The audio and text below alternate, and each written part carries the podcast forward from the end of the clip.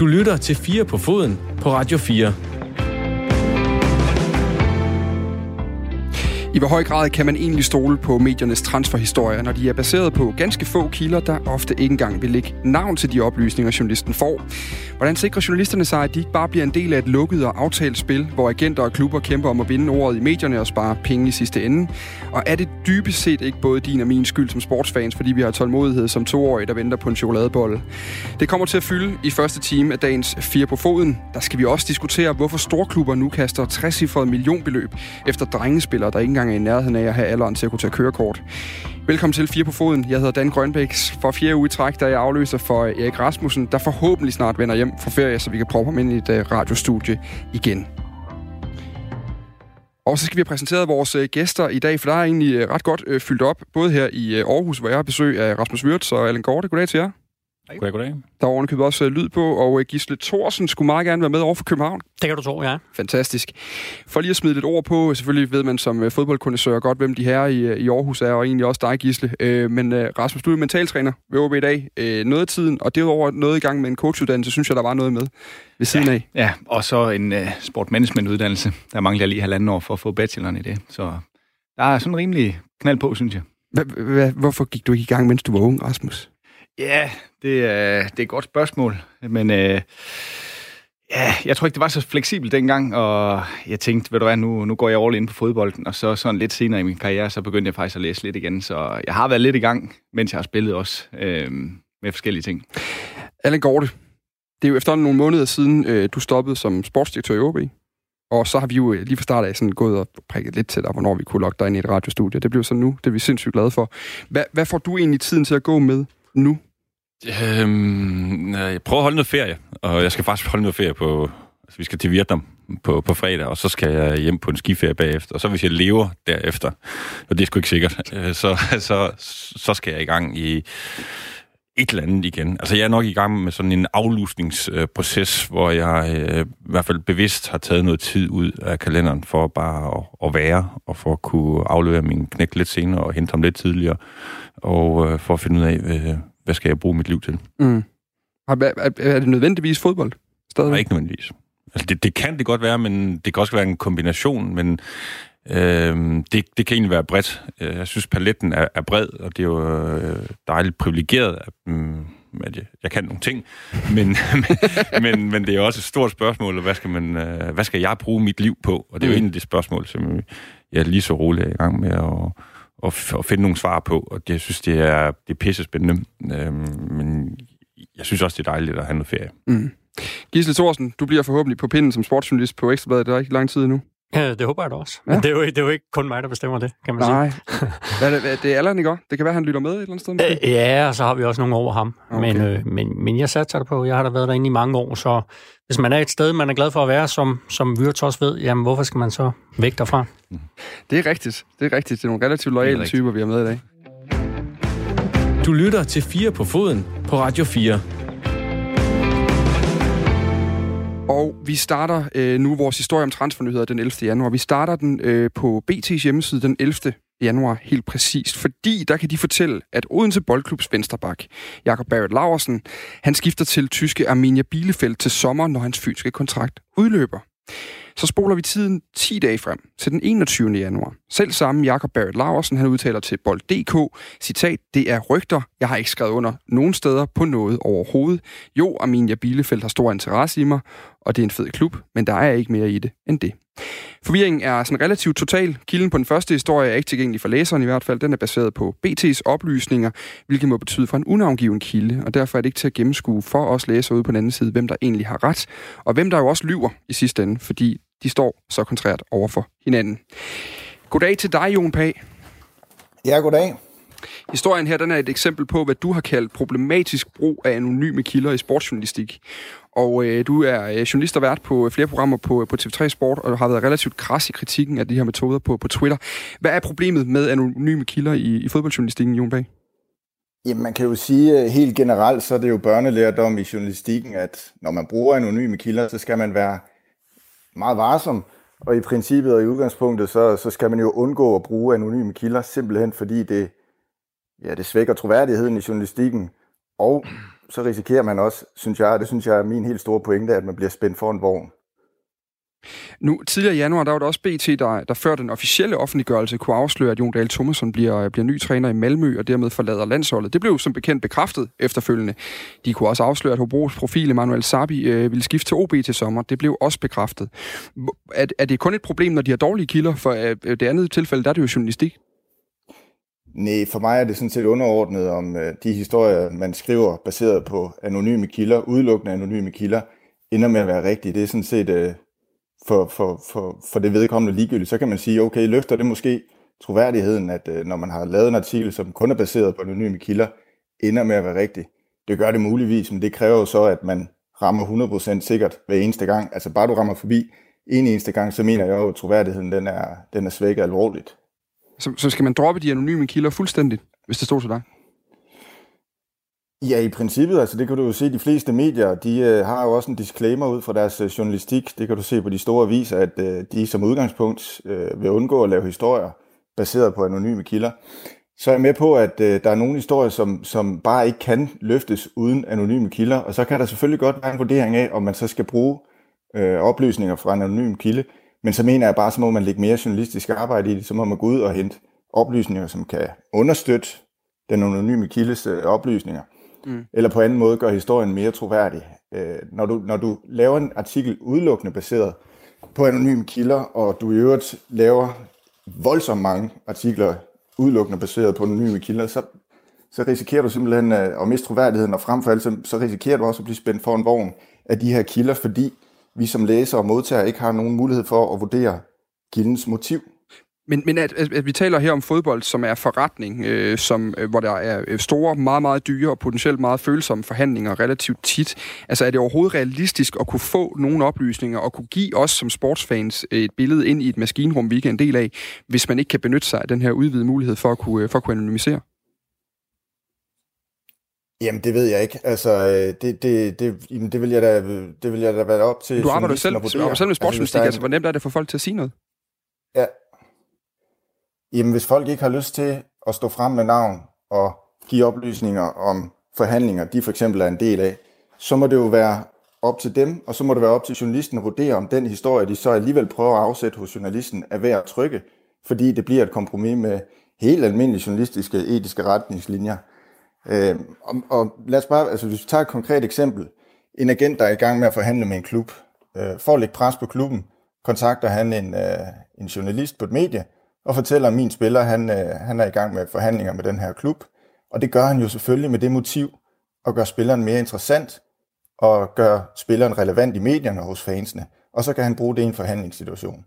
Så kan man jo bare spørge agenten, det er fint, det er super. Men øh, jeg skal bare, altså jeg skal have de her oplysninger fra dig, du skal stå frem som kilde på, på de her oplysninger, ellers så kan jeg ikke trykke den. Vi vender lige tilbage til dig lige om lidt, øh, Jon Pag. Bliv hængende. Øh, jeg kunne godt tænke mig lige at tage den ind i studiet her, fordi øh, øh nu, Allan Gorte, du har været sportsdirektør i en relativt stor Superliga-klub, og har siddet i masser af forhandlinger, som også langt hen ad vejen, gætter jeg på, har været relativt følsomme, for at det kunne lade sig gøre i sidste ende, og præsentere en i OB-trøjen. Hvor, hvor meget øh, kan man gå ud og sige, ganske enkelt? Jamen, som direktør, så, så kan du jo ikke øh, ret meget. Altså selvfølgelig, der er nogle klubber i Danmark, som er på fondsbørsen. Der er vel fire klubber. Øh, OB, AGF, FCK og, og, og Brøndby nu. Mm. Og altså, der, der skal man jo først på fondsbørsen, i hvert fald hvis det er noget, som er følsomt for din aktiekurs. Så derfor er der ofte nogle begrænsninger. Men uanset hvad, du har ikke som klub i hvert fald lyst til at gå ud. Hvis du vil hente en spiller, så har du jo ikke lyst til at gå ud og fortælle hele verden, at du vil hente den her spiller. Øh, fordi så kan det være, at der pludselig opstår noget konkurrence. Vi ved, at det er et irrationelt marked. Mm. Hvis der er nogen, der får et hint om det, jamen, så kan det jo være, at de pludselig også kommer, kommer med i, i markedet. Men lad os sige, at du var i gang med at skyde en stor transfer mm. til udlandet. En transfer, du, som du alligevel tænker, den er ikke helt stor nok, den her. Den, kunne godt, den kan godt lige trække 3 mm. millioner mere, mm. hvis den får et godt skud. Så går du ud, og så ringer du til en, du kender øh, på, på et medie og siger, ved du hvad, der er også nogle andre, der er interesserede, nu skal I bare høre. Og så kommer den der anonyme historie. Kan, kan det ikke også være et værktøj for dig som, som klub? Jo, altså, det er jo klart, altså som klub har du et formål altid at få, øh, hvad skal man sige, du, du vil gerne have noget, øh, nogle nyheder omkring din klub, at der sker noget, og, og, og det er positivt, øh, det der er der. Mm. Øh, men du også lever også af, at det er troværdigt, øh, og at øh, du kan heller ikke tåle at sige noget, der er løgn. Så jeg kunne aldrig nogensinde finde på, at, som som sportsdirektør at ringe til et medie, men det er jo ofte, altså det er jo journalisterne, der ringer og siger, på her, vi har fået et chip omkring, at mm. øh, OB er ved at sælge Rasmus Wirtz til Juventus. Øh, øh, men, men så vil jeg jo vel ikke sige, at det er løgn, hvis, hvis det er rigtigt. Så vil jeg jo bare, så vil jeg jo, altså, men jeg vil, jeg vil afkræfte, hvis det var mm. forkert. Okay. Øh, så vil jeg i hvert fald sige, at det passer ikke. Altså, den, altså, fordi jeg har ikke lyst til, at journalisten skal se dum ud. Øh, og det er jo også en del af at skabe et som siger, tillidsfuldt øh, samarbejde. Men hvis han rammer plet, ja. jamen, så vil jeg sige, at det kan godt være, at der er noget om snakken man kan sige, uanset hvad som journalist, så kan man diskutere, hvor dum man ser ud i første omgang. Ikke nogen øh, kritik. Jeg øvrigt Rasmus Wirtz, han ringer til nogen og siger, jeg vil gerne lige øh, have bekræftet, at Rasmus Wirtz er på vej til Juventus. Er det rigtigt?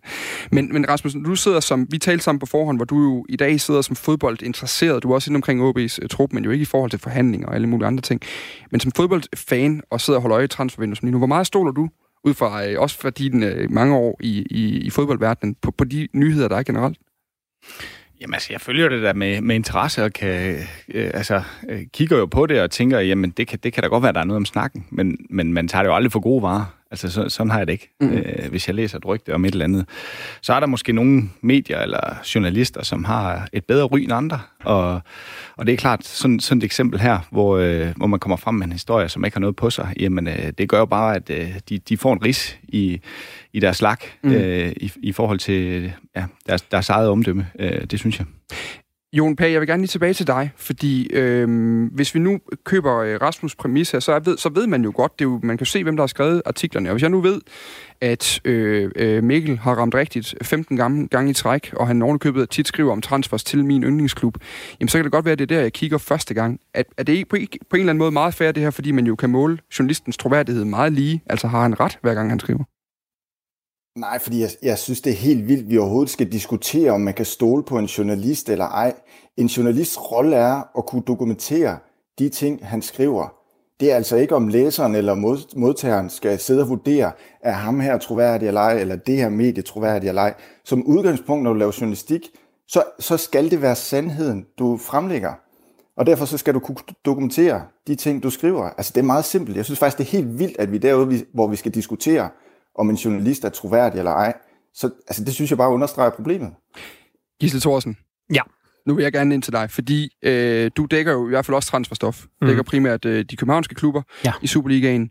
H- hvad har du selv af, af god konduite, når du arbejder med anonyme kilder? For det kan jeg jo se i artikler, du også, øh, du også gør jer til.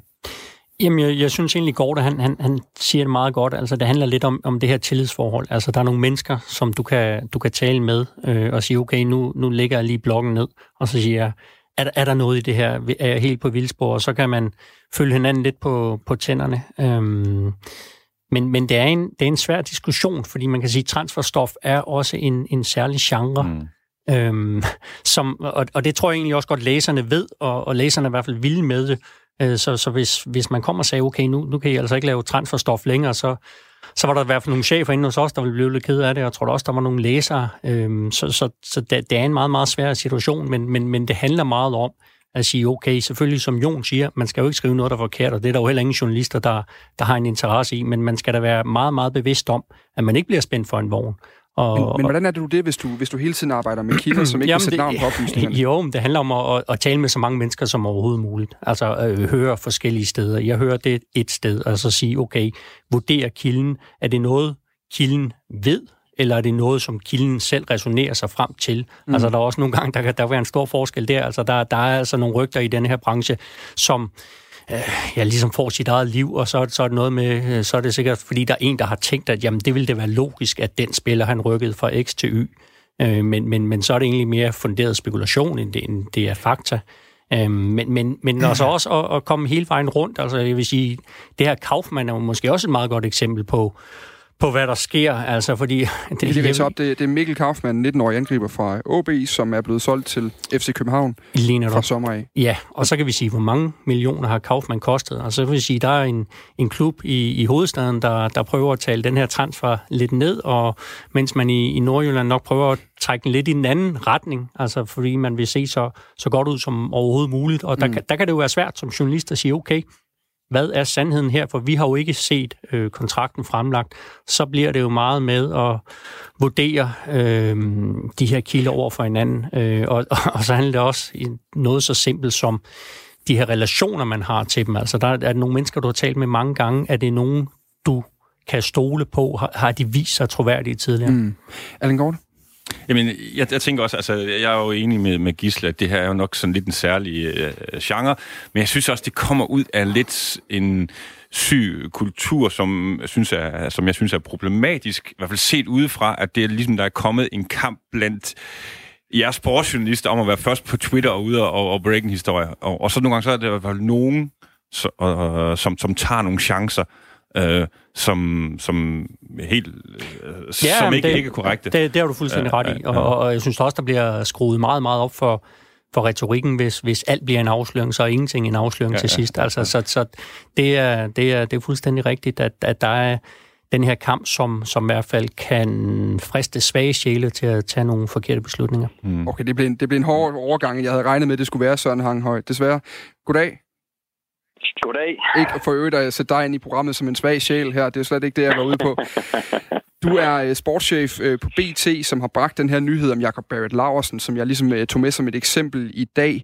En nyhed, der jo så efterfølgende blev, blev skudt ned af Jakob Barrett Laversen selv, hvor han går ud og siger, jeg har ikke skrevet under på noget som helst. Jeres overskrift, den lød, BT afslører, kolon, Superliga-profil skifter til Tyskland, og nede i artiklen står der, og det er et direkte citat, ifølge BT's oplysninger har den 25-årige Venstrebak skrevet under på kontrakten med den tyske klub, der PT spiller i anden Bundesliga.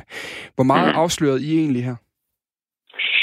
Oh, ja. Jeg tror, vi afslører det, at Jakob Barry Laversen til, uh, jamen, efter sommerferien Arminia Bielefeld spiller. Uh, fordi at det, er, det er det, som, øh, som vores kilder fortæller, og det er det, som vi er, som vi er, som vi er sikre på kommer til at ske. Øhm, og så, du ved, så er der jo det her med, bliver det så lidt, lidt noget ordkløveri, fordi at, øh, at har han skrevet under, har han ikke skrevet under. Vi skriver, at han har skrevet under. Jakob Børge Larsen siger selv, at han ikke har skrevet under. Det vi ved, det er, at der er en aftale. Øhm, men, men det er vel ikke ordkløveri, hvis, hvis manden, der skal sætte signaturen selv, siger, at jeg har ikke skrevet under? Så kan vi vel ikke uh, gå videre med den oplysning. Altså, det vil være sådan noget... Nu, jeg ved ikke så meget, jeg har også lige startet sportsjournalistik, men i, i, i anden ja. type journalistik, der vil det være, hvor jeg ringede til en førstehåndskilde, der har siddet med kontrakten i hånden, og ikke har skrevet under, og så vil jeg tænke, om så er det en ikke-historie, kalder man det i journalistik, fordi den bliver afkræftet. Ja, det kan man godt sige. Altså, spørgsmålet er selvfølgelig her, hvad, hvad er historien? For jeg tror, Altså, jeg tror egentlig på Jakob Børge Larsen, for at være helt ærlig, han siger, at han ikke har skrevet under. Øh, men, men I skriver, men at han har skrevet der, under, en, sådan. Ja, ja, ja, det er rigtigt, og det er jo formentlig en fejl fra vores side. Der er en aftale, og der er, øh, og, og Jakob Børge skifter ifølge flere af vores kilder til, øh, til sommer til, øh, til Arminia Bielefeldt, Så er der jo så den her detalje, hvor stor og hvor lille er den. Det er jo så det, vi, vi, kan, vi kan diskutere, og det synes jeg da også, vi, øh, vi, vi skal, øh, om, om, om, om aftalen ligesom er skrevet under. Øh, og der bliver det jo en, en svaghed, selvfølgelig for vores historie, når Jacob Brev Lausen går ud og siger, at jeg har ikke skrevet under på noget. Øh, men altså, historien er jo dybest set, skifter han, skifter han ikke. Og det er vi jo øh, men, det er vi ret så sikre på, at han gør. Men hvis vi så arbejder med det her scenarie, det kan jo sagtens være, at han ender med at skifte. Han siger endda også, at han synes, at Arminia Bielefeld er en fed klub, så det lyder ikke som om, han ikke havde tænkt sig at tage en tur til Tyskland, hvis de endelig ringede. Men, men jeg kunne godt tænke mig alligevel, altså, hvor meget påvirker det jeres troværdighed, når I så går ud? Fordi man kan sige, selv hvis han skifter, så har I stadig skrevet, at han har skrevet under, og det viser sig jo bare ikke at være rigtigt. I hvert fald er det ikke muligt at bekræfte lige nu, når manden selv siger, at han ikke har. Det er rigtigt. Det er svært, og, og altså, det påvirker da vores troværdighed lidt. Det gør det da helt sikkert. Altså, det gør det hver gang, vi laver en fejl. Selvfølgelig gør det det, og det er det her. Øh, det er en fejl, men altså, jeg vil også sige, altså, historien, rubrikken, holder jo. Øh, men, men ikke rigtigt, når han selv afkræfter. I hvert fald ikke dokumentere det endnu, tænker jeg, når det, eller hvad? Nej, vi kan ikke dokumentere endnu, at han skifter. Øh, det kan vi ikke, øh, hvis du tænker, om vi har et, en, en aftale, som vi har et, et billede af, eller om han selv siger det, eller om Amelia Bielefeld siger det. Det kan vi ikke endnu. Men det her, det er en historie, som, som debatten også her handler om, er baseret på, øh, på unavngivende kilder, som fortæller os flere unavngivende kilder, som fortæller os, at at Jakob Børge han skifter til Arminia Bielefeldt til sommer. Og så kan man jo så sige, han har jo selvfølgelig og sådan er det i de her sager. Han har en, øh, en, en interesse i at sige, jamen der er ikke noget skrevet under endnu, fordi at han har et forår, han skal spille færdigt i, i, øh, i OB, og han, der er nogle fans, han skal tænke på. Der er en masse forskellige interesser, øh, som, han, som han også skal pleje her, og derfor bliver det også sådan lidt en øh, over, jamen, nej, jeg har ikke skrevet under endnu. Øh, og det kan jeg et eller andet sted godt forstå, at han, øh, at han siger. Øh, men, men for mig er det vigtigste i den her historie, det er, er historien om, at Jacob Børt Laursen skifter til Arminia Bielefeld, er den sand eller ej? Men, øh, men når I så, fordi det, man kan sige, du, som du selv siger, overskriften BT afslører Superliga-profil skifter til Tyskland.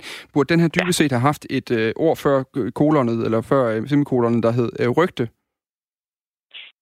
Nej, det synes jeg ikke. Altså, fordi er der, er der en, en aftale, er der givet håndslag på, øh, på, at der er en aftale, og er alle involverede parter fuldstændig ind. Mm. Men kan der så være noget i forhold til stramningen af det, Søren Hanghøj? Altså, at man, øh, at man kommer til at stramme retorikken omkring de her ting for meget, når man bruger øh, de her forskellige termer? Jeg tror simpelthen, der er hul i linjen. Jeg tror, jeg, det skal lige sige, jeg tror ikke, det er Søren Hanghøj, der er smuttet bare, fordi jeg synes, det var træls at snakke om. Jeg tror, der er et teknisk problem, så han er røget af. Vi kan se, om vi øh, kan nå at få ham, øh, få ham med igen her nu.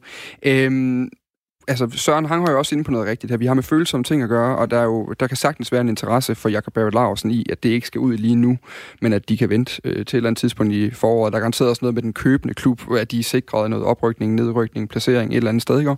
Men, men som spiller, altså, kan du se den interesse, der er der? Har man nogle gange interesse i at lade tingene ligge lidt? Altså, nu har du selvfølgelig ikke lavet sindssygt mange klubskifter i din karriere øh, rundt omkring. Ja, selvfølgelig kan han have en interesse i det. Han vil jo gerne vise, at han er 100% OB-spiller øh, endnu, og øh, så længe omverdenen ikke øh, kender til det her, jamen så kan han arbejde i ro og mag i, der, hvor han er. Øh, så, så det tænker jeg helt, helt klart, mm. han har en, en interesse i, at det der det bliver gemt væk så lang tid som muligt, og så, øh, så arbejder han ud for det, fordi der er jo ingen tvivl om, at øh, det kan hurtigt blive et forstyrrende element, afhængig af, hvordan det går sådan et forår her for ham. Mm. Jamen, begynder han at, at præstere, får en lille downperiode, et eller andet, jamen, øh, så skal der nok være de første OB-fans, der peger fingre af ham, fordi øh, jamen, han er jo allerede øh, videre. Vi skal lige, Søren Hanghøj er på linjen igen, ham kommer vi over til lige om et minut igen, men Allan Gordon, jeg vil gerne lige høre dig ind, fordi hvis du sad som sportsdirektør, øh, og du, du havde en spiller, som skulle afsted om et halvt år, har du som klub og som, øh, som, som, øh, som de sportsdirektør, som for i de interesser også interesse i, at sådan en spiller øh, venter med at offentliggøre, at han skal væk? Ja, det, som umiddelbart vil jeg, vil jeg sige ja, fordi det, der, der, der vil kunne være nogle forstyrrelser fra, fra omverdenen, som vi kunne præge spilleren. Så det vil mm. jeg tænke på. Men jeg tænker også, altså det, jeg synes, det der er væsentligt, det her, det er også, sige, hvilke aktør er der? Mm. Og der er også en aktør, der hedder en agent i det her spil. Og, øh, og agenter har også et, øh, et motiv og også til at deltage til nogle historier. Det kunne jo faktisk godt være, at der ikke var en underskrevet aftale, øh, men at han, den enkelte spiller var på vej til nu i det her tilfælde Barrett til Bielefeld, så kunne det mm. godt være, at en agent også vil, vil have et, hvad skal man sige, et, et formål med, at jamen, kan, have, kan det her blive interessant for andre klubber? Hvis vi får det her ud i medierne, jamen, kan der så pludselig andre klubber, som man står bedre i en forhandlingssituation med, med mm. for eksempel Arminia Bielefeld. Så, og så plus vil en agent vil jo gerne have, at der er gang i butikken, at der må gerne være noget, øh, han må gerne vise de spillere, han har, eller potentielle spillere, mm. at der sker faktisk noget på det her marked, øh, og det kan være alle agenter. Vi skal lige runde af over hos dig, Søren Hanghøj. Du er med på linjen igen nu. Øhm, ja. Fordi grunden til, sådan, og nu, og nu et, øh, tolker jeg, så må du jo rette mig, hvis jeg går helt galt i byen, men grunden til, at man også tager chancen uden at have dokumentationen, det er jo også, eller i hvert fald den endelige åbne dokumentation på tingene, det er jo også, at det er nemlig eftertragtet stof, det her, og der er også en værdi i at være først. Hvor stor er den værdi? Mm. Jamen, selvfølgelig er der en værdi i det. Altså, det er, som, som Gisle også får sagt, altså, det er noget, vores, vores læsere går rigtig meget op i. Det er noget, de, det er noget stof, de rigtig gerne vil have. Øhm, og det er, også, du ved, det er jo også interessant stof. Vi vil jo altid gerne fortælle, hvad der foregår derinde, hvor vi helst ikke bliver, bliver lukket ind. Fordi det er jo derinde, de interessante ting, ting er. Vi, øh, altså, skrev vi kun det, som klubberne vil have. Vi skrev, jamen, så var der jo et eller andet sted ikke nogen grund til at have en sportspresse. Øh, så det her, det er, altså, det, det er jo... Øh, ville tingene gå af dig for at vente til det var bekræftet? Altså, det er mere det. Øh, kunne man, hvis, på et eller andet tidspunkt, så går Jacob Barry vel ud og siger, jeg skal til Arminia Bielefeld. Det kan da være, jeg har fået et svar fra Bielefeld, dem snakkede jeg også med, hvor de skriver, we have no comments on rumors like that. Øh, mm. Så der var heller ikke noget at komme efter der, men på et eller andet tidspunkt bliver det jo bekræftet. Er der gået noget af nogen i det kapløb for at vente til det endelig dokumenteret? Det er jo det, man vil gøre andre steder i journalistikken. Jamen, det vil man måske, men det, altså, for mig, det er jo en, øh, det er jo noget, der sker rigtig mange steder, det her. Altså, når der er, når der er minister, nye, minister, nye minister i, uh, i ministerierne, så, så, så, så kappes uh, alle medier også om at fortælle, hvem er det, der kommer til at sidde hvor, selvom vi kunne lige så godt vente de to timer. Mm. Øh, og, og det er noget, vi ser rigtig, rigtig mange steder. Men, men der vil man jo så bruge den der erfare-ting. Det er jo sådan en god gammel øh, øh, politisk journalistisk floskel, at man siger, man erfarer, at noget sker. Her der skriver I jo afslører. Er der, er der ikke igen noget med retorikken der omkring det? Nej, det synes jeg ikke. Altså, erfare og afsløre, det, det er for mig to sider af, af samme sag. Altså, det er, det er det samme. Øh, det er noget, som vi... Altså, det her er jo også noget længere nede i historien, at plejer vi normalt at skrive, jamen, BT erfare og så videre og så videre. Øh, så, så det er altså en afsløring, og, og, og det vi jo går og kalder en erfarehistorie herinde til dagligt, det er dybest set, øh, dybest set det samme. Jeg vil også bare lige øh, som et eksempel øh, i forhold til alt det her, vi snakkede om før. Altså sidste år skrev jeg selv en, en historie omkring Nikolaj Poulsen, øh, da han var i Randers. Øh, hvor, hvor præcis det samme skete. Øh, vi skrev, at han skiftede til, til AGF. Øh, han havde også kontraktudløb. Øh, Nikolaj Poulsen går ud og siger, at øh, der er ikke skrevet under for noget, og den går hjem. Altså, det er sådan et, det er et leg, og det er, en, eller, det er ikke en leg, det er et spil på en eller anden måde, øh, som, som foregår her. Og jeg synes også på en eller anden måde, det også er med til at afkræfte, at øh, jamen, hvad, hvad Jon Pag siger, at jamen, er, vi, er vi spændt for en vogn, og er der nogen, der prøver at afsætte? Altså det her, det er ikke i spillernes og i, og i klubbernes, i hvert fald ofte interesse. Øh, sikkert heller ikke i agenterne. Altså, det her, det er ikke, du ved, men, en historie, der er plantet af en agent eller noget lignende. Men, men, men det vil jo alt, altså i en forhandlingssituation, hvor der sidder nogle parter, som I beretter om indenfra, der vil det vel mm. altid være i nogens interesse, uanset hvad man skriver nærmest. Og det er jo derfor, det så er vigtigt at tjekke efter. Eller hvad? Ja, altså i sådan en situation her, så er jeg lidt, lidt i tvivl om, om, der er, om det er i nogens interesse, mm. at, at den her historie kommer ud. Sådan er det jo også nogle gange. Tusind tak, fordi du stillede op i hvert fald. Øh, du skal videre, Søren Hanghøj, fordi I har jo øh, jeres egen øh, en, eller anden, en eller anden obskur øh, form for en fodboldpodcast, I selv laver et år. Det har vi lige præcis. Ja, jeg har hørt rygter om, du skulle være med der. tak fordi du kom med her i hvert fald. Selv tak. Hej. Gisle Thorsen, jeg vil gerne lige over til dig. Ja. Fordi øh, nu, jeg synes, jeg synes godt nok, at øh, altså grunden til, at jeg bruger, øh, for eksempel, jeg holder, det har jeg sagt flere gange, det er en ærgerlig historie hver eneste gang, jeg holder meget med Arsenal, det har mm. været hårdt igennem mange år nu, men der er en journalist, der hedder David Ornstein fra mm. The Athletic, som stort set altid ved det, inden øh, sportsdirektøren i Arsenal ved, at han har tænkt sig at købe en spiller, så ved Ornstein det, og så er den meldt ud i pressen. Ham stoler jeg jo på, og der har det jo for mig en værdi, at jeg ved, han kommer først. Altså, når, når han skriver det, så er den god nok. Hvor meget betyder nyhedens interesse i det her spil? Vil I, vil I gøre det, hvis den ikke var der? Jamen, jeg tror, det bliver mere og mere, hvad kan du sige, journalisten end, end nødvendigvis mediet, som du, du læner dig op af. Men, men jeg vil også lige komme tilbage til det her med, med spillernes rolle, fordi det, det, det er altså også set før, at spillere de ikke nødvendigvis fortæller den fulde sandhed. Det skal vi også huske. Øh, jeg kan huske, en, vi skrev for, ja, det var over 10 år siden snart, at, at Daniel Vass skiftede til Benfica, hvilket lød fuldstændig skørt dengang. Øhm, men vi skrev, at han ville skifte til Benfica på en fri transfer, og det viser sig også, at det kommer til at holde stik. Øh, men Daniel Vass, han, han står derude og, og siger, nej, øh, han har ikke lavet nogen aftale med Benfica, og hvad ved jeg, og han, var, han tog faktisk et vedmål med en af vores journalister. Øh, jeg tror, de ved en kasse sodavand, som han så også betalte, øh, da han, han indfriede sin gæld. Men, men det var også lidt af det her spil også, og så tror jeg også, Vass sagde, ja, jeg kunne sgu ikke rigtig sige noget på det tidspunkt, fordi klubben vil ikke rigtig have det ud, Benfica og alt det her, så, så det, det, det kan både Gorte og Wirtz genkende, tror mm. jeg. Altså det her med, man som spiller øhm, ja, også kan blive sat i en situation, hvor du... Jeg vil ikke sige, at du kan blive tvunget til at lyve, men, men, men øh, du skal i hvert fald øh, tænke dig godt om, hvad du svarer. Kan man nogensinde komme ind i det rum der, som journalist? Det er jo det, man tænker nogle gange. Man kan have rigtig gode kilder, øh, men er man nogensinde rigtig med Jamen, det synes jeg, fordi jeg, jeg synes heller ikke nødvendigvis altid, det er det her med, at du bliver spændt for en vogn, at det er fordi en agent, der ringer. Altså mange historier opstår jo også, fordi man, man taler med mange mennesker i miljøet, og så er der en, der, der kan sige noget til dig. Oh, du, nu skal du høre, jeg har hørt, at, at den og den, han... Altså, jeg havde det i, i går med, med Simon Jakobsen. Der var en, der, der, der skrev til mig, at øh, ja, men, øh, Simon Jakobsen, han, han skiftede to Bro mandag. Og så, det var ikke nogen stor historie, men vi, vi kunne da lægge den i, i det her Superligaen mm. indenfra, som vi har, bare som en lille ekstrablad af far, og han blev ja. genforenet med Peter Sørensen.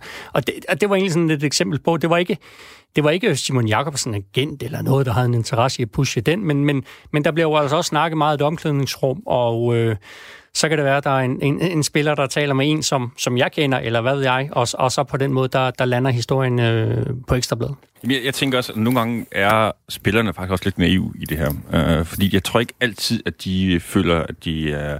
Altså, de bare lille dem, og at de er faktisk en del af en nyhedsstrøm, øh, øh et, et, et større setup, og det gør nogle gange, at de måske ikke tænker så dybt over situationen.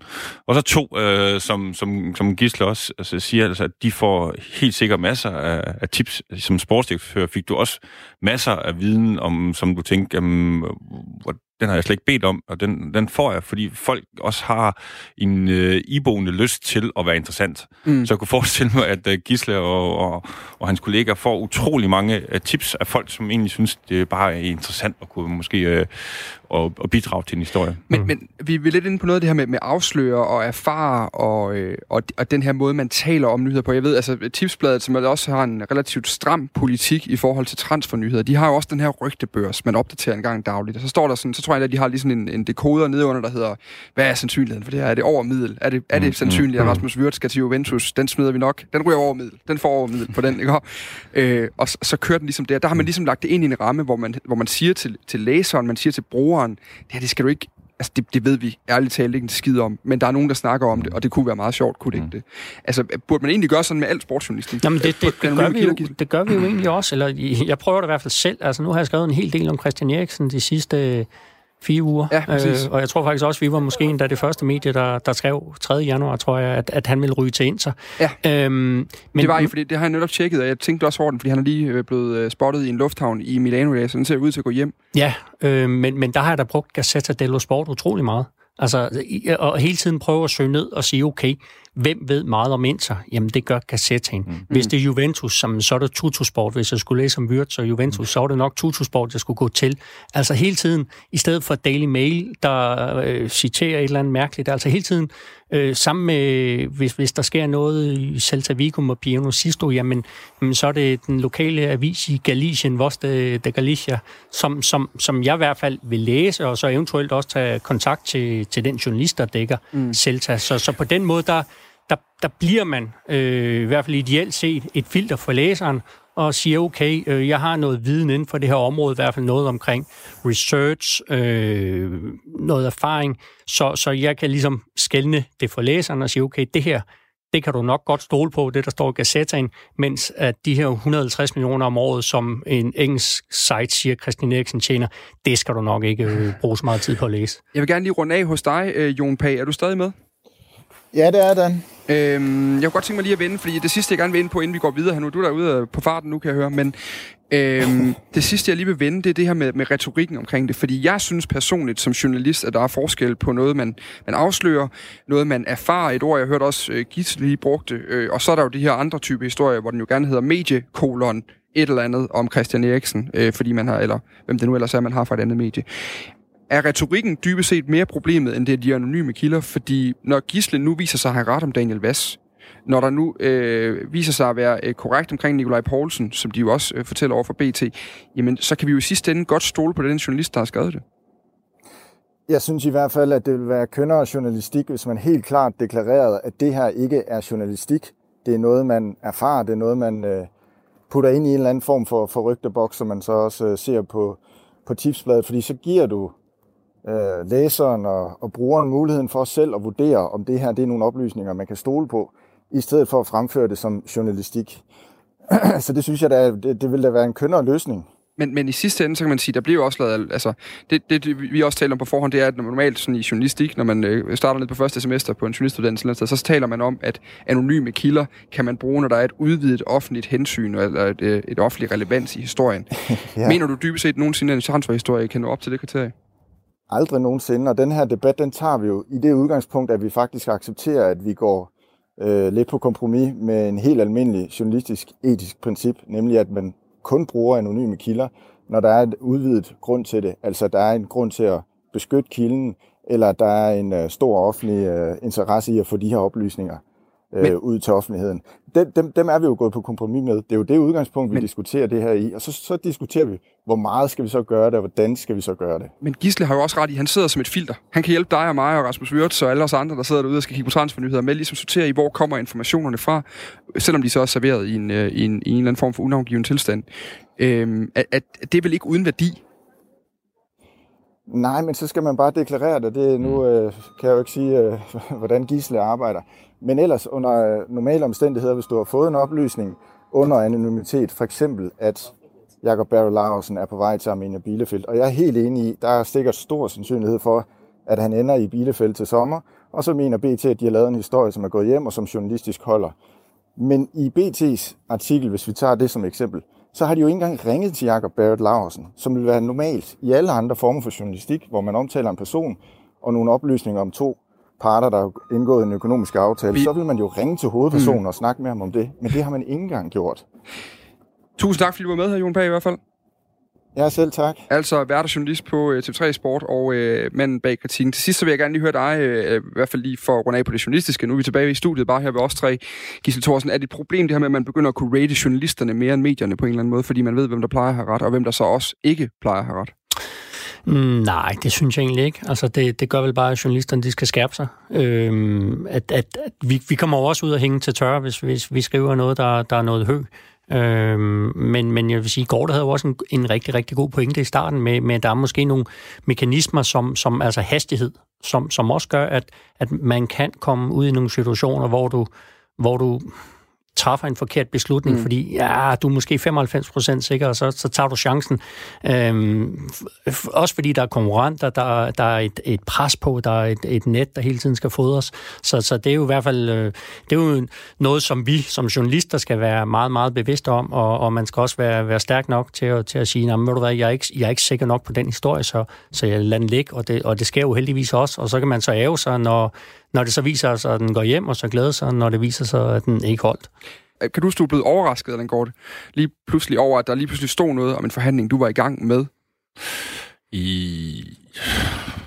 Ja, ja mange gange, tror jeg. Og også fordi der er faktisk utrolig mange mennesker, der har lyst til at at, at, at tale om noget, som er interessant for andre mennesker. Mm. Altså, så ja, og så er det også spørgsmålet, hvilke lande du taler med. Altså, altså hvad, er det, hvad er det for en kultur, du kommer fra? Øhm, øhm, og nu har vi haft en spiller fra Sydamerika i, i, i OB på et ja. tidspunkt, Edison Flores, ja. og, og der er helt sikkert, øh, altså der, der er utrolig mange aviser, der skal fyldes hver dag, og der går man helt klart på kompromis med, hvad, hvad, der, hvad der er korrekt. Øhm, modsat er jeg også blevet negativt overrasket over et land som Holland, at når man forhandler med dem og er tæt på en aftale, jamen så er det ude, fordi de har en anden, øh, altså et andet forhold til, at øh, altså, hvornår medierne skal vide det. Øh, så, så selvom man har faktisk lavet en, en skriftlig aftale, også øh, kontraktuelt, øh, at, om man, at det ikke skal ud, jamen, så kommer hele, hele skidtet ud øh, en halv time efter. Det kan man godt være sikker på. Men øh, i sidste ting her, lad os nu sige, at vi er nået hen til en verden, hvor tingene bliver offentliggjort, når de bliver offentliggjort. Så betyder det jo også, at det er klubberne, der pludselig bestemmer, hvornår vi skal vide, at Jakob Barry Larsen han skifter til Bielefeld, hvornår øh, Rasmus Wirtz skal til Juventus, og hvornår øh, Edison Flores han, øh, tager flyet mod Danmark. Er det gavnligt for mig som sportsfan, Rasmus Wirtz? Uh, nej, det tænker jeg faktisk ikke. Det er, det, problemet, som jeg lige hørte nu, det, det, det er jo lidt det der med, at det bliver sådan et vedløb om at komme først med, med informationen. Og det betyder så, at de får ikke undersøgt sagen uh, til bunds, eller kommer ud til nok kilder i, i forhold til den historie, som de gerne vil bringe. Uh, fordi gør de det, og arbejder længe på at få det her bekræftet, det er rigtigt, jamen uh, så kan det være, at konkurrenten lige pludselig kommer ud med historien først. Og det er mm. vel et eller andet sted, der at noget af det store problem ligger, men det ved sportsjournalister nok mere Jo, jo, men så handler det også om meget, øh, i hvert fald set fra min stol, om at, at kvalificere og også tage de forbehold, men altså også at sige, okay, men hvorfor er det, at at Nikolaj Thomsen må ikke, måske ikke ender i, i OB øh, nu, men først til sommer. Okay, de har rigtig, rigtig mange midtbanespillere. Altså hele tiden kvalificere den øh, spekulation, der er, og sige, okay, hvad er det, der kan tale for et skifte, hvad er det, der kan tale imod, så man i hvert fald viser, at man, man har den der baggrundsviden øh, på plads. Det er jo også noget af det, som øh, er med til at højne i hvert fald troværdigheden på produktet. Ja, så lige præcis som vi var inde på, altså retorikken i det. Hvad er det, man skriver? Er, er det noget, der er bekræftet, eller er det, er det et rygte? Mm. Øh, eller hvad er det? Er det et problem, når man har, nu, nu kommer vi hurtigt til, vi har snakket med Søren Hanghøj fra BT omkring den her historie, det kan man lige hoppe lidt tilbage og høre hans øh, forsvar øh, for, og det synes jeg, man skal gøre, inden man sidder og dømmer derude.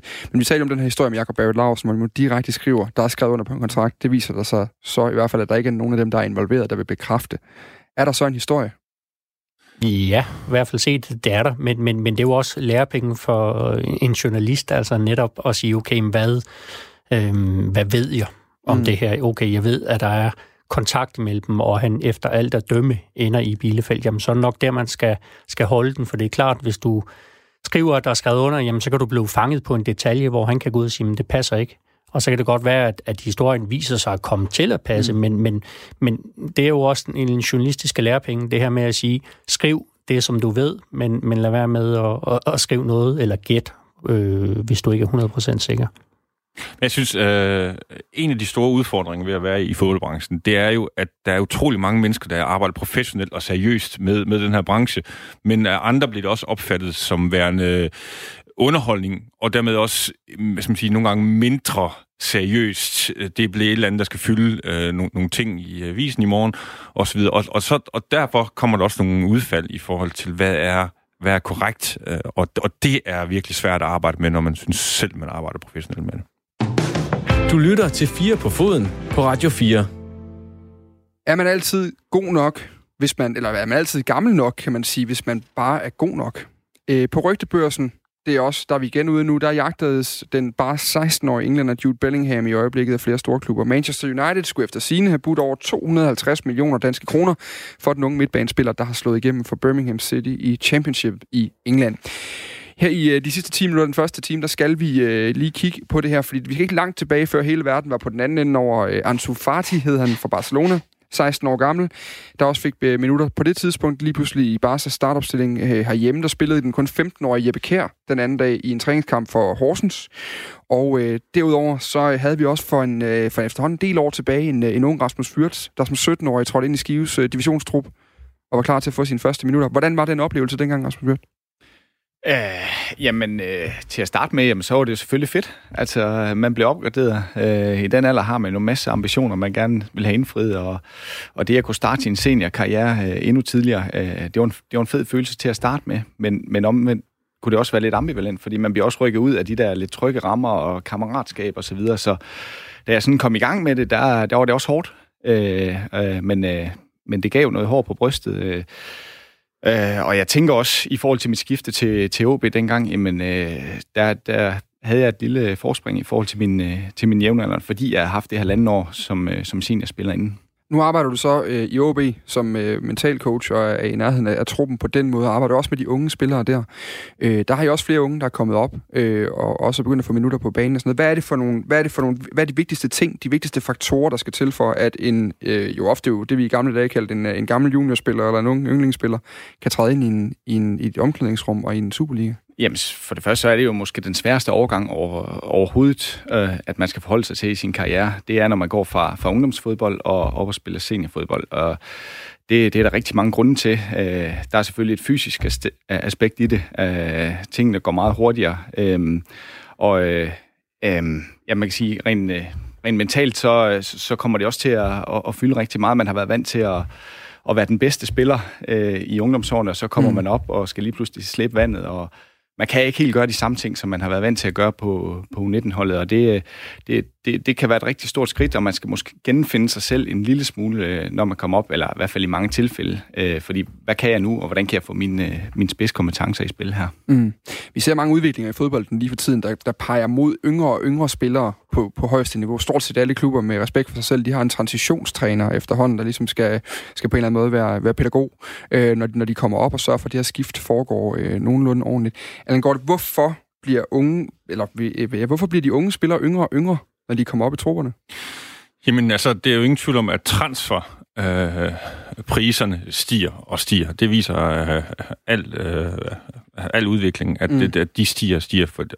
Og det er sådan, at når du køber en spiller, så er der nogen, der jo ligesom betragter de spillere som varer. I øvrigt, at når, når der agenter kommer og ligesom vil præsentere deres varelærer, eller kalder spillere la, øh, varer, jamen, mm. så, så, så, så har jeg i hvert fald tidligere sådan bare fuldstændig lukket ned, fordi det er mennesker, og det er uh, unge drenge, Øh, men, men det er også øh, nogen, som har et fremtidigt indtjeningspotentiale. Ligesom du køber en aktie, så køber du ikke hvad, øh, en værdi i det, som man har tjent. Man køber faktisk en, en værdi i det, de kommer til at tjene i fremtiden. Mm. Og derfor er det så vigtigt, især også for danske klubber, som er en udviklingsliga, at de er unge spillere, der kommer igennem, fordi så skal man jo sælge det via, for eksempel hvis det var OB eller AGF eller, øh, eller Nordsjælland, skal ofte sælge det via en, mellem, en mellemstation for at kunne blive ryge til de, jeg synes, til de virkelig høje priser.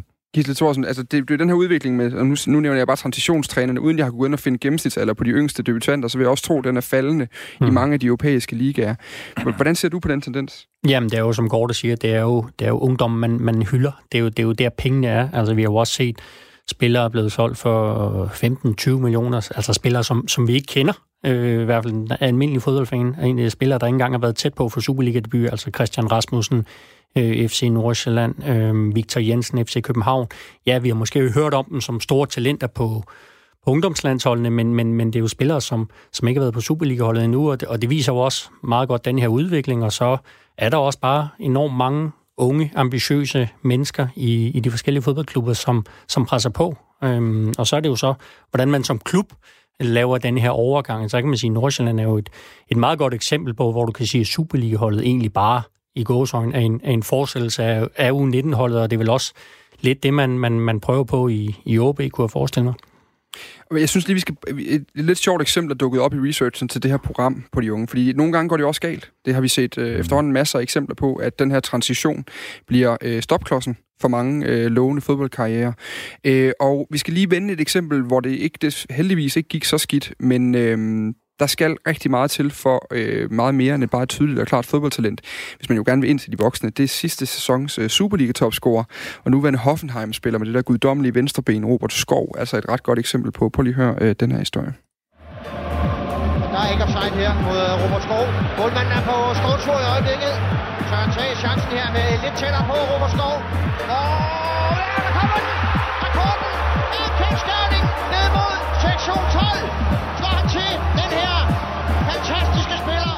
Lyden af Robert Skovs succes. Men sådan begyndte det langt fra, da han fire dage inden sin 17-års fødselsdag debuterede i Superligaen for Silkeborg IF tilbage i 2013. Robert kom med op og træne med første hold øh, direkte fra 17 og fik også sin debut der lige inden øh, sommerferien. Så var han er vel, jeg tror han er vores yngste spiller faktisk, vi har haft på, på første hold. Transitionstræner i Silkeborg IF, Dennis Pedersen, var tæt på Robert Skov, da han blev hentet op på Superliga-holdet af den daværende cheftræner Viggo Jensen, direkte fra U17-holdet og ikke via en periode på U19-holdet, som ellers var den normale procedure. Det, der egentlig resulterede lidt i, det var, at han blev lidt overbelastet, øh, fik noget springer slatter knæagtigt, og hvor det egentlig som tages helt ud af træningen. Og da han så blev taget ud af træningen, jamen, så, så valgte vi jo så egentlig at rykke ham tilbage til, til U19-holdet, og så brugte han jo et lille års tid der på at få samlet sig selv op igen. Det gav jo en masse erfaring til os, altså for, hvad skal vi sige, alle os, der er involveret i, at, at, øh, at man skal have en, en bedre plan, når man gør sådan nogle ting, så man ikke bare lige kommer og trækker en eller anden kanin ud af hatten, og så uden at have forberedt ham på både fysisk og, og mentalt, og så kan man sige, så ender det jo som det, som det jo oftest ender, hvis man er for hurtigt ude, det er, at spillerne simpelthen ikke kan holde til det, fordi de jo også vokser. Robert vokser også øh, på det tidspunkt, ikke, så, så, jamen, så får du tit også en belastningsskade. Øh, og det var også det, der skete for ham. Altså, kunne man så have været ude i, at man havde ødelagt en af de ja, største talenter, der er i dansk fodbold lige nu?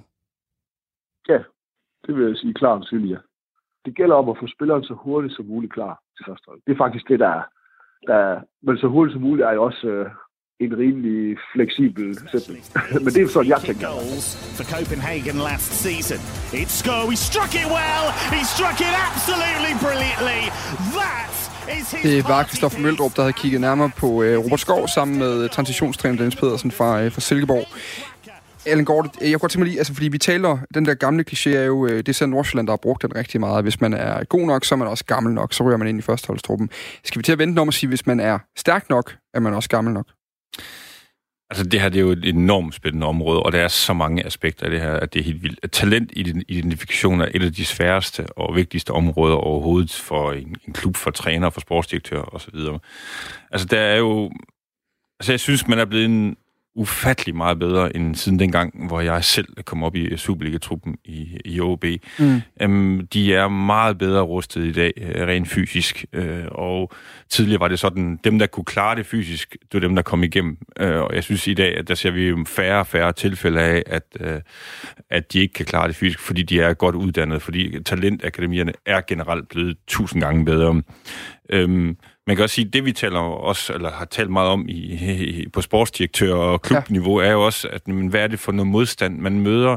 At dem, der kommer igennem, at det er dem, der bare er, altså, er på landsholdet hele vejen op, eller som ikke rigtig møder noget modstand eller ej. Og der har vi set mange tilfælde, som for eksempel øh, den vej, som Robert Skov, øh, vi får at vide, han, han faktisk må tilbage et år og den modstand er jo mega svær. Der er jo mange, der bliver knækket halsen, som siger, okay, nu kommer jeg fra u 17 til Superligaen, og nu skal jeg simpelthen tilbage og spille med u 19. Det kan jeg simpelthen ikke mm. motivere mig til osv. Og have klaret det, er jo, er jo fantastisk, og måske en af grundene til, at han har klaret det, og ikke kun det fysiske. Rasmus jeg tænker, du også må være inde omkring nogle af processerne, når man hiver spillere op i, i, i førsteholdstruppen i OB, og det er jo altså også nogle unge nogen, fordi jeres akademi også kører øh, rigtig godt, kan vi sige, uden at rose for meget, tror jeg. Der er rigtig mange U-spillere hele vejen ned igennem øh, rækkerne, når man kigger derop. Det her med, om man er stærk nok, betyder det i sidste ende mere end nødvendigvis tekniske eller fysiske egenskaber? Øh, jeg tror, øh, altså der er jo ingen tvivl om, at det, der er hovedfokus her, det er jo, at de bliver ved med at udvikle sig.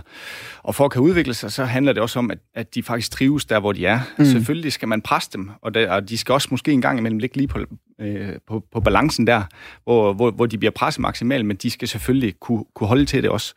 Øh, der, der tror jeg jo på, at øh, det, det er der, man udvikler sig allerbedst. Øh, og som, som Allan siger, så, så er vi jo rigtig godt forberedt i dag, også i forhold til dengang vi var unge, hvor vi måske trænede de der tre gange i ugen, og der var ikke så meget styrketræning og det ene mm. og det andet. Altså, mm. de er jo virkelig godt skolet og godt forberedte, når de kommer op i dag. Så udgangspunktet er jo, er jo godt for det, øh, men, men der er selvfølgelig noget i det der med, hvis man lige pludselig tager helt ned til U17 og skal have dem op i, i en Superliga øh, trup, jamen så, så er der et langt stykke op til det næste, og det bliver ligesom ikke, øh, man har ikke sine kammerater omkring sig og, og alt det der, og det, øh, det er i hvert fald noget, som øh, man skal tage med i sine overvejelser. Øh, der er jo ingen tvivl om, at spilleren selv vil jo nok aldrig sige nej, men øh, så kan det også være, at man støder ind i de tilfælde her, som, som Bro Skov, hvor, øh, hvor, hvor han ikke synes om det, men, øh, men, men rigtig nok, altså han, øh, han kom over det, mm. og har haft det nederlag der, og, og har lært af det også, tænker jeg. Gisle, vi skal lige over til dig også, fordi mm. der, der er også noget i forhold til, at du sidder jo øh, på ydersiden, ligesom og, øh, ser mange af de her spillere, og selvfølgelig får du også set nogle ungdomskampe garanteret, men, men ligesom første gang, de præsenterer sig, det er jo, når de træder ind til, til træningerne, ofte i sommerperioden, og så, øh, så kommer ind i trupperne. Øh, hvordan altså, er, er, de, er det mere nogle, nogle børn, professionelle børn, man får op på en eller anden måde? Er de mere professionelle, end de var for, for år tilbage, når de kommer ind i de her trupper? De er i hvert fald skolet på en, på en, på en helt anden måde, som, som det også bliver sagt. Øh, men, men jeg tror også, at nøgleordet her er, er netop det her robusthed, øh, som, som altså giver dem den robusthed også, og det der med at presse dem men i et miljø, der er godt. Altså som, som Myrt siger, med måske lige gå til grænsen, og så igen falde tilbage til, til det her øh, sikre miljø, hvor, hvor, hvor man trives og hvor man kan udvikle sig.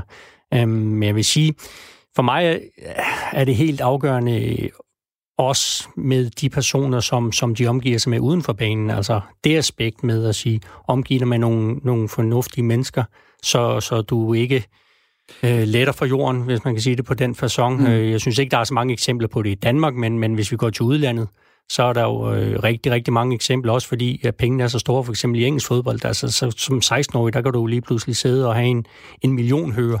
Øh, der kan man sige, jamen, der, der kan det altså blive problematisk, hvis, hvis du ikke er, nu vil jeg ikke sige godt opdraget, men, men, men i hvert fald øh, har en... Øh, en, en sund tilgang til livet og har nogle rigtig, rigtig gode mennesker omkring dig, der ved dig godt, og ikke ved dig på grund af, at du er en god fodboldspiller og, og har mange penge. Så, så det handler også utrolig meget omkring øh, hele det her apparat udenom, og jeg tror også, at Allan Gorte i sin tid i, i OB brugte rigtig, rigtig meget tid på at, på ligesom at tale med forældre og, og, og ligesom lave den her helhedsplan og sige, jamen planen med jeres søn, den er den og den. Vi kan ikke garantere, at han bliver Superliga-spiller, men, men vi vil i hvert fald give ham de bedste forudsætninger, og så vil vi også sørge for, at, at hvis han ikke skulle blive Superliga-spiller, jamen, så har han i hvert fald fået en, en god, hvad kan man sige, menneskelig uddannelse i OB. Det lugter lidt af nyheder her nu, så vi skal til at runde af lige stille og roligt med det, får du lov til at gøre, Langgaard. Altså øh, netop det her arbejde øh, lige omkring det, men også, jeg tænker jo også, at der kan vel også være en interesse i, nu nævnte du, du åbnede snakken her med at sige, de er jo, de er jo salgsemner meget, meget tidligt, de har knægte. Altså de øh, eksempler, som Gisle nævner, Christian Rasmussen, Victor Jensen, øh, vi kan også nævne øh, øh, andre, de ryger jo afsted inden de overhovedet har set et første hold i nogle af de her klubber. Øhm, kan der også være en tendens med, at man kan være presset lidt til at skubbe dem ind i startopstillingen eller ind i truppen lidt hurtigere, fordi så hævner man også værdien af dem? Og... Jamen klart, altså det handler om klubbens strategi, og klubbens strategi er, er alt afgørende for, om du skal have succes på lang sigt. Og der er nogle klubber, som er transfermaskiner, for de kan se, at det er deres vej. Og det vil sige, at hvis man er sådan bare transfermaskine, så kan det også godt være, at man ikke bliver en klub, som vinder mesterskaber. Jeg mm. selv spillede i en klub, der hed Udinese i sin tid. Udinese vil ikke vinde det, det italienske mesterskab, hvis de kommer i top 4-5 stykker, så er det fordi, de er solgt for sent. Og, og det er jo, altså man siger, og, og der har vi også nogle, andre, nogle eksempler i Danmark, kan man sige, det handler om, at vi skal sælge spillere for hver pris, for det, det er egentlig det, vi, øh, vi, vi lever af. Og det kan nogle gange give også et, et clash, hvis nu man gerne vil have unge spillere igennem som klub, øhm, og du har en strategi, du vil have unge spillere igennem, jamen så har du også en træner, som er nødt til at være fuldstændig indforstået med strategien, fordi hvis en træner gerne vil vinde hver weekend, øh, som han jo også er ansat til, så kan det godt være, at han, han har en tendens til at vælge de ældre spillere. Dagens panel er Rasmus Myrt, tidligere øh, midtbanesleder i øh, Allan Gorte, tidligere midtbanesleder i øh, og tidligere sportsdirektør også, og så Gisle Thorsen, øh, slider inde på Ekstrabladets øh, sportsredaktion. På den anden side af en omgang nyheder, der skal vi dykke ned i den seneste uges forestilling i øh, Brøndby med øh, aktieemission, afgangen af Kaiser og Camille, og ikke mindst øh, rygter om, at en af hovedmændene bag Red Bull skulle være så interesseret i klubben, at han var villig til at overvære en hel træningskamp midt i januar mod Avarta fra Danmarksserien. Eller fra anden division, nu skal heller ikke være øh, grimmer ved Avarta, man behøver nødt til. Så mener man det åbenbart alvorligt, og det er der mere om i øh, 4 på foden lige på den anden side af nogle nyheder om 5 minutter.